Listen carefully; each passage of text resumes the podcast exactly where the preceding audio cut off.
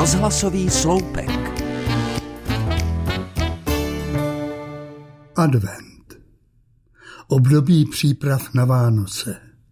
Čas odříkání jídla, pití a zábav. Čas, kdyby se měl člověk zastavit, zamyslet nad smyslem života, vzpomenout na své předky, přátele, na lidi, které jsme měli rádi, kteří nám v životě byli příkladem. V mém životě k takovým lidem náležela moje učitelka na Janáčkově akademii, národní umělkyně Jarmila Kurandová. Byla učitelkou náročnou, přitom nesmírně laskavou. Předávala nám své bohaté zkušenosti, byla rádkyní i v osobních záležitostech.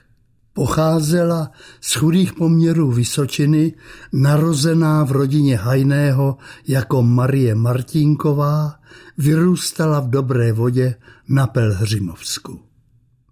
Po celý svůj umělecký život byla většinou obsazována do rolí trpělivých a lidskostí protchnutých maminek a babiček.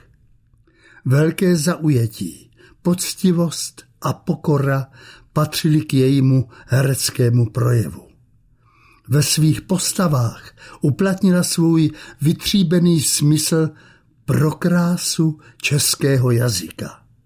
Vzpomínám, když před Vánocemi natáčela v televizi tolik známé verše Jaroslava Vrchlického. Hlas zvonů táhne nad závějí, kde v dálce tiše zaniká.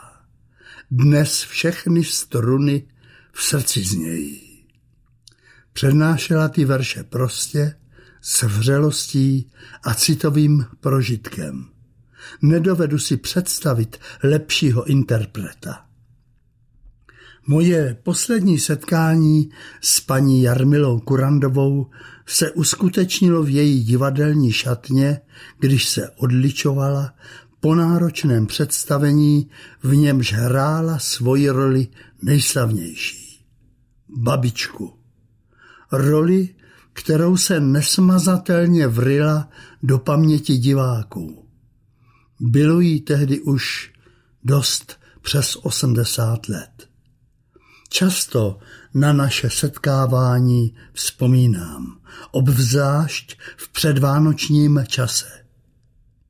Až se budete o Vánocích dívat v televizi na opakovaně uváděné pohádky Pišnou princeznu či princeznu se zlatou hvězdou na čele a uvidíte paní Kurandovou v těch pohádkách jako laskavou chůvu a dobrosrdečnou hospodyni, nebo se znovu podíváte na její filmovou babičku, věřte, že stejně laskavým a dobrosrdečným člověkem byla Jarmila Kurandová i v soukromí, ve svém osobním životě. Na takové lidi, navíc vynikající umělce, stojí v adventním čase vzpomenout.